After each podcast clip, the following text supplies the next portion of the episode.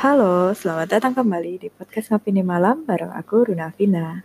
Iya, udah lama banget sejak terakhir kali ini bikin podcast karena ya syukurnya ada banyak hal yang harus aku kerjain di real life gitu. Jadi tiba-tiba ada banyak banget apa orderan yang harus aku tulis gitu. Jadi karena terlalu banyak dan loadnya bahkan kayak hmm, sekitar 3 sampai 6 kali dari biasa aku kerjain. Jadi aku harus harus melakukan beberapa penyesuaian khususnya secara waktu.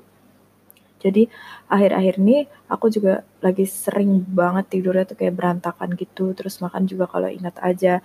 Makanya jadinya buat bikin podcast pun uh, bingung kapan waktunya gitu. Jadi ini karena udah banyak banget hal yang ada di pikiran aku dan bikin aku nggak konsen. Oke, jadi kali ini aku bikin podcast lagi.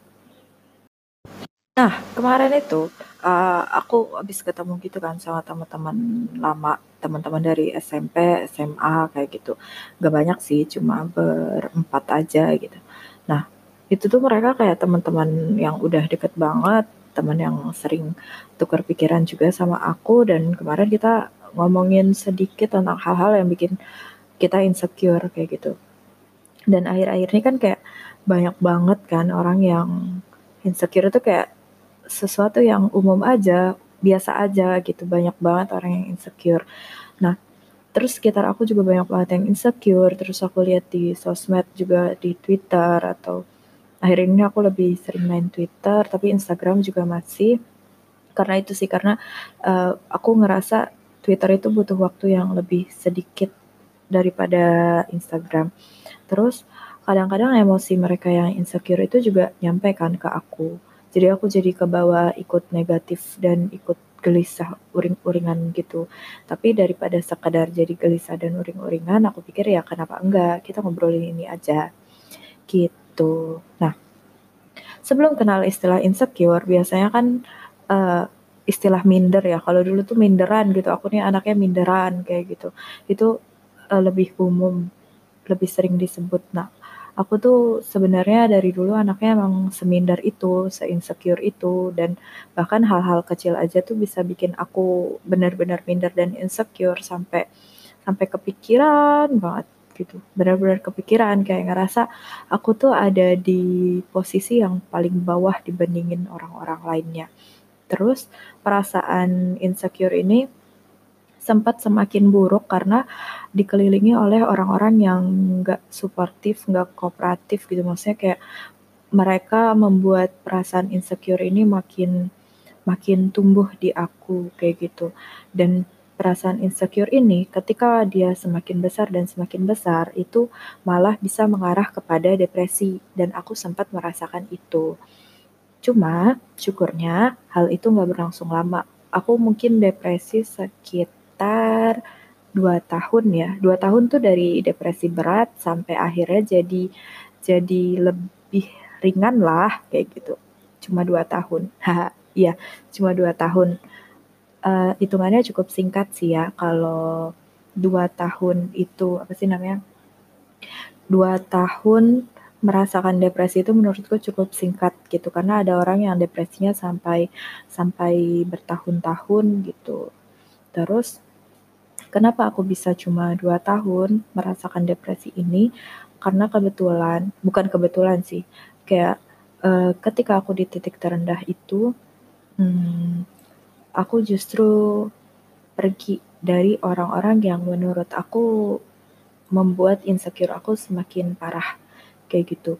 Dan syukurnya saat itu aku dikelilingi oleh orang-orang yang super kooperatif dan super suportif sama aku gitu. Dan karena aku aku kan aku ngerasa nih kondisiku sekarang lagi tidak stabil dan akan berbahaya untuk diri aku sendiri kalau aku tetap ada di uh, circle yang ini, kalau aku tetap ada di lingkungan yang ini gitu. Akhirnya secara bertahap aku keluar dari uh, circle-circle yang menurutku akan mengganggu kestabilan aku gitu.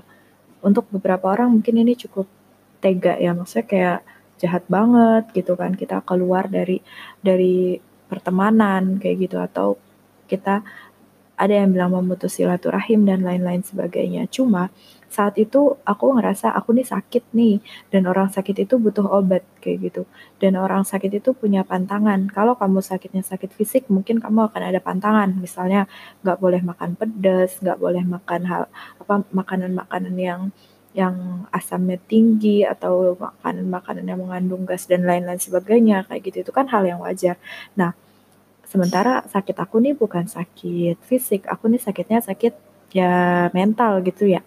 Berarti kan yang harus diselamatkan mental aku. Dan menurutku pantangannya adalah aku aku harus menjaga jarak dari orang-orang yang membuat kondisi aku semakin buruk kayak gitu. Akhirnya aku aku memutuskan pertemuan dengan beberapa orang, memutuskan uh, percakapan dengan beberapa orang. Jadi kecuali hal itu sangat penting, aku menolak untuk bicara atau bertemu dengan beberapa orang yang menurut aku akan mengganggu kondisi aku kayak gitu. Akhirnya uh, saat itu circle aku benar-benar kecil banget, aku membatasi diri dan aku cuma mau ngobrol sama ngobrol dan ketemu sama orang-orang yang menurut aku mendukung aku kayak gitu. Dan alhamdulillahnya adalah orang tua aku termasuk orang yang uh, suportif kayak gitu dan ada inner circle inner circle aku yaitu teman-teman aku dari zaman SMP SMA yang emang ya udah kenal aja gitu. Nah, ada dua hal yang saat itu mereka bilang di titik terendah itu mereka bilang ke aku yang pertama mereka mau nerima gimana pun kondisi aku, seburuk apa pun aku dan apa pun keputusan yang aku ambil mereka akan dukung gitu. Jadi mereka emang mengarahkan aku untuk mengambil yang terbaik gitu tapi terbaik terbaik menurut aku. Maksudnya mereka bantu aku berpikir. Karena kan kalau dalam kondisi kayak gitu pikiran kita nggak oke okay banget gitu ya. Kayak semuanya itu benar-benar kepikiran dan sulit menyaring mana yang bagus mana yang tidak kayak gitu. Mereka bantu aku berpikir mereka bantu aku untuk mengambil keputusan tapi keputusan akhirnya tetap di tangan aku. Jadi aku mau mengambil saran dari mereka atau tidak itu ada di tangan aku. Dan apa pun yang aku pilih, pilihan apa pun yang aku ambil, mereka akan tetap dukung dan tetap ada di sana sama aku. Itu yang pertama. Yang kedua, mereka bilang jangan menurunkan standar. Aku bisa dapat yang lebih baik dan layak untuk itu gitu. Jadi mereka bilang uh, aku lebih baik dari apa yang aku pikirkan dan aku layak untuk mendapatkan sesuatu yang baik juga kayak gitu. Jangan menurunkan standar aku, jangan menganggap kalau diri aku itu uh, buruk dan akhirnya aku akan mengambil keputusan-keputusan yang juga akan berdampak buruk buat diri aku gitu. Jadi yang pertama mereka akan dukung aku dan yang kedua mereka hmm, percaya kalau aku itu lebih baik lebih baik daripada yang aku sangka kayak gitu. Cuma dua hal ini Cuma dua hal ini yang mereka bilang, tapi dari situ adalah titik di mana aku percaya, iya aku bisa membuat keputusan, iya aku layak untuk apa yang aku memang layak gitu. Dan apa pun keputusan aku, orang-orang ini nggak akan ninggalin aku. Itu, kayak gitu. Nah, bisa dibilang dua pesan ini adalah apa yang aku lupakan selama empat tahun di kampus gitu. Jadi uh, aku goyang karena teman-teman di kampus dan bisa dibilang dua hal ini adalah hal yang paling aku butuhkan saat itu dan itu yang tidak aku dapatkan selama di kampus. Jadi yang aku ingat, ini yang aku ingat ya. Mungkin ada beberapa hal lain cuma yang aku ingat adalah selama di kampus itu teman-teman kayak support aku untuk jadi baik dan terlihat baik. Karena kondisi aku yang sebenar yang aku mentor dan aku harus jadi contoh buat orang-orang yang aku mentorin kayak gitu. Terus jadi juga setiap kali ada hal buruk yang aku rasa, mereka bilang kalau tanggung jawab kita itu lebih besar dari apa uh, dari waktu yang kita punya. Jadi nggak ada nggak ada waktu untuk memikirkan hal-hal yang kecil gitu. Maksudnya include diriku sendiri gitu. Maksudnya kayak mereka bilang kita harus selesai dengan diri sendiri sebelum kita mengurusi orang lain. Oke, okay, itu benar, itu benar. Tapi dalam beberapa state itu nggak bisa benar-benar kayak gitu. Maksudnya kayak uh, ketika lu ngelihat orang yang dia lagi di titik terendahnya, terus kamu bilang uh, selesaikan diri lu baru lu baru lu boleh ngurusin orang lain. Enggak, justru dalam beberapa hal uh, ketika lu membantu orang lain, ketika lu ngurusin orang lain, di situ lu akan mendapatkan diri lu sendiri, lu akan mendapatkan jawaban dari apa yang lu cari kayak gitu. Dan uh, di tengah yang kayak gitu, aku ngerasa aku nggak punya nggak punya tempat aman untuk cerita masalahku. Akhirnya aku kebanyakan mendem-mendem-mendem semuanya sendirian. Pada saat itu, dengar ada orang yang mau dukung aku, apa pun ke keputusan yang aku ambil, dan mereka bilang kalau aku layak untuk untuk itu itu tuh kayak benar-benar kayak apa ya kayak lu panas-panas terus dikasih air dingin gitu pokoknya sebahagia itu gitu nah terus uh, akhirnya di situ aku jadi belajar untuk berpikir gitu maksudnya aku mulai belajar untuk mengambil keputusan yang emang baik gitu untuk diri aku sendiri. Jadi kayak ini ada nih orang yang mau kamu bahagia nih, mau kamu bahagia dan apa pun keputusan yang kamu ambil mau itu buruk mau itu bagus, uh, mereka tuh akan selalu ada kayak gitu. Dan kalaupun pilihan yang lu ambil bagus, mereka akan ikut bahagia. Kalau pilihan yang lu ambil buruk, mereka akan nemenin lu sampai lu bisa dapetin sesuatu yang emang baik gitu untuk diri lu kayak gitu. Dari dua hal ini, akhirnya aku belajar buat lebih berani buat ngambil keputusan untuk diri aku sendiri. Gitu. Awalnya emang kayak bingung lah. Maksudnya kayak uh, aku kondisiku saat itu benar-benar lagi depresi dan aku nggak tahu mana yang bagus untuk aku. Kayak kayak semuanya tuh berkabut gitu loh. Aku nggak tahu aku mau ngapain aku ngerasa hidup aku udah selesai. Tapi di sisi lain juga ya aku nggak boleh mati juga kan gitu. Maksudnya uh, aku nggak punya tujuan tapi bukan berarti juga aku boleh mati. Karena kalau aku mati gimana ya? Aku pun gak dapetin apa-apa dari kematian diri aku sendiri gitu kan. Jadi aku jadi kayak hidup juga nggak tahu tapi juga mati nggak mau kayak gitu. Nah benar-benar bingung benar-benar berkabut gitu. Cuma dari dua support itu dua hal itu bikin aku merasa merasa hidup pelan-pelan aku kayak mencari hidup aku aku aku kayak nggak nyaman juga terus aku ngerasa kayak kalaupun aku mulai ambil langkah sekarang, aku udah telat gitu. Maksudnya orang-orang tuh udah sampai mana, aku baru sampai mana, kayak gitu. Aku kayak ngerasa benar-benar ditinggal, aku ngerasa kayak aku benar-benar ketinggalan dibanding orang-orang lain, terus kayak benar-benar bingung aku harus mulai dari mana karena aku udah udah telat banget nih kayak gitu kan. Cuma mereka terus-terusan bilang kayak gitu, kalau aku lebih baik dari apa aku pikirkan, aku layak untuk itu, terus aku juga punya potensi yang cuma aku belum sadar aja, kayak gitu. Terus aku pikir, kalau misal pun aku belum sampai mana-mana, kalau misal pun aku telat ya terus kenapa, kayak gitu. Kalau aku cuma khawatir-khawatir aja toh aku juga nggak akan sampai mana-mana kan. Kalau aku terus-terusan ketakutan ya aku juga nggak akan sampai mana-mana gitu. Jadi aku pikir nggak boleh nggak boleh gini terus. Kalau aku ngerasa ketinggalan aku ngerasa kalah ya ya kejar gitu. Kejar aja lari se sekuat yang dimampu kayak gitu. Tapi tapi tapi nggak semua orang itu punya daya kompetensi kompetisi yang kuat gitu. Maksudnya nggak semua orang itu senang berkompetisi. Dan aku termasuk orang yang nggak suka kompetisi. Jadi ngeliat semua orang udah ada di level 10 sementara aku level 1 aja belum gitu untuk beberapa hal gitu jadi aku pikir kenapa nggak aku mulai dari sesuatu yang aku udah bisa aja kenapa aku nggak mulai dari sesuatu yang aku nyaman dan aku bahagia aja ngejalaninnya gitu terus dari situ aku mikir aku mikir aku mikir dan aku bilang Iya, mulai saat ini bahagia aku itu adalah prioritas. Jadi aku akan melakukan apa pun yang bikin aku bahagia, gitu. Jadi aku aku belajar untuk um, apa ya, tidak mengorbankan diri aku untuk orang lain, kayak gitu. Maksudnya uh, kalau misalnya aku bisa bantu orang lain tanpa mengorbankan diri aku sendiri, aku akan ambil itu. Tapi kalau misalnya dengan aku membantu orang lain itu aku akan terkorbankan, aku akan sedih, aku akan kerepotan dan aku akan kehilangan banyak hal, aku nggak akan bantu orang itu. Kayak gitu. Gitu.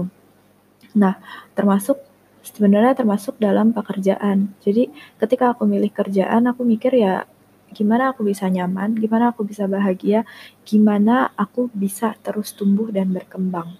Kayak gitu. Nah, Tapi di sisi lain, aku juga sadar kalau bahagia itu nggak akan lama. Kalau apa pun yang kita pilih, itu pasti punya tantangan yang sebagus apa pun, senyaman apa pun pilihan itu.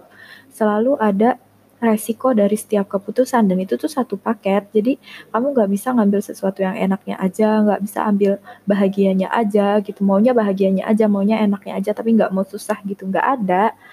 Segala keputusan dan resiko segala hal yang bikin kamu nyaman itu juga akan bikin kamu uh, repot juga, ada hal-hal yang akan bikin repot gitu. Terus segala hal yang emang bikin kamu bahagia juga akan ada titiknya kamu ngerasa susah kayak gitu. Itu udah satu paket, nggak akan terpisah, nggak mungkin ada yang terpisah kayak gitu.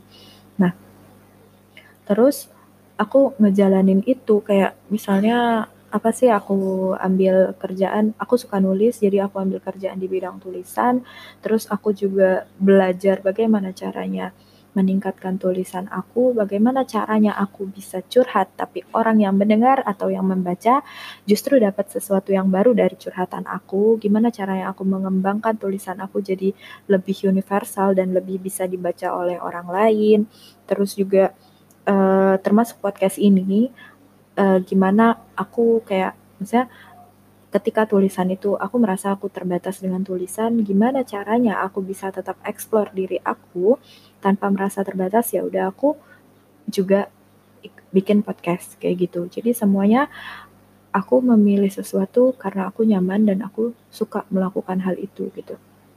Kayak gitu.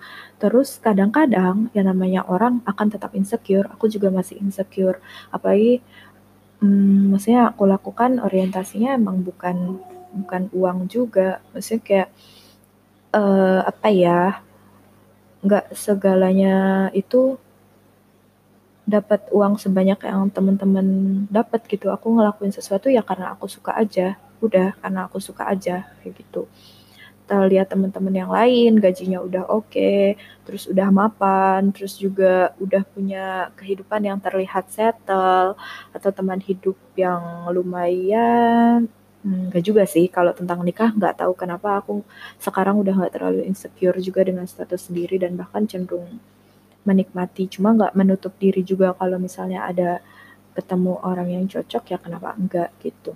Tapi ya udah kita bahas itu kapan-kapan. Atau kayaknya aku sempat bahas tentang ini sedikit sih di podcast aku yang ketiga bisa di scroll ke yang kemarin-kemarin. Kayak gitu Terus kalau perasaan insecure itu datang gimana gitu kan? Namanya orang pasti akan ada insecure-nya. Ya aku look back lagi. Aku udah jalan sejauh apa? Terus aku bilang ke diri aku sendiri, aku udah jalan loh sejauh ini loh. Aku udah bisa loh ngalahin diriku sendiri gitu. Saya ngeliat aku yang dulu depresi dengan segitu berkabutnya yang gak yang bahkan nggak tahu tujuan hidupku tuh apa kayak gitu. Akhirnya aku bisa ada di titik ini. Jadi kenapa aku harus khawatir? Apa yang harus aku khawatirkan sekarang kayak gitu. Jadi uh, aku aku sudah jalan jauh kok kayak gitu. Aku udah sampai di sini, aku sudah jalan sejauh ini, berarti aku juga bisa jalan lebih jauh lagi. Terus juga aku lihat ke depan, jauh ke depan ke tujuan. Terus aku bilang, nih ya, tiap orang tuh punya tujuan masing-masing. Kalau orang lain punya tujuan, kamu juga punya tujuan, aku juga punya tujuan gitu. Orang lain punya kemampuan, kamu punya kemampuan, aku juga punya kemampuan. Jadi apa gitu yang harus dikhawatirkan? Terus aku bilang, masih ingat kan mau jalan ke mana? Masih ingat kan tujuannya ke mana? Gitu. Nah, kalau udah ingat, kalau masih ingat, yang gak usah khawatir sama pencapaian orang lain, orang lain juga punya tujuan, kamu punya tujuan, tiap orang punya tujuan, dan beda tujuan berarti beda pencapaian dong, kayak gitu, dan beda proses yang dilewati dong. Nah, jadi sekarang yang harus dilakukan adalah fokus aja sama apa yang kamu mampu, sama apa yang aku mampu, dan tetap jalan lurus gitu. Tetap jalan ke arah kamu mau jalan, tetap jalan ke arah tujuan kamu. Gak apa-apa lebih lambat dari orang, gak apa-apa uh, apa sih Gak apa-apa lebih lambat dari orang lain, gak apa-apa step kamu lebih belakang dari orang lain, tapi tetap jalan. Nanti suatu hari itu akan sampai. Nanti suatu hari insecure-nya akan hilang sendiri. Kayak gitu. Aku bilang kayak gitu setiap kali aku ngerasa insecure dan aku ngerasa kayak kalah dari orang-orang lain gitu. Karena uh, dan sampai saat ini, sampai hari ini, cara itu tuh masih ampuh insecure masih ada, masih ada namanya orang gitu kan. masih ada. Cuma gak, gak seganggu dulu gitu.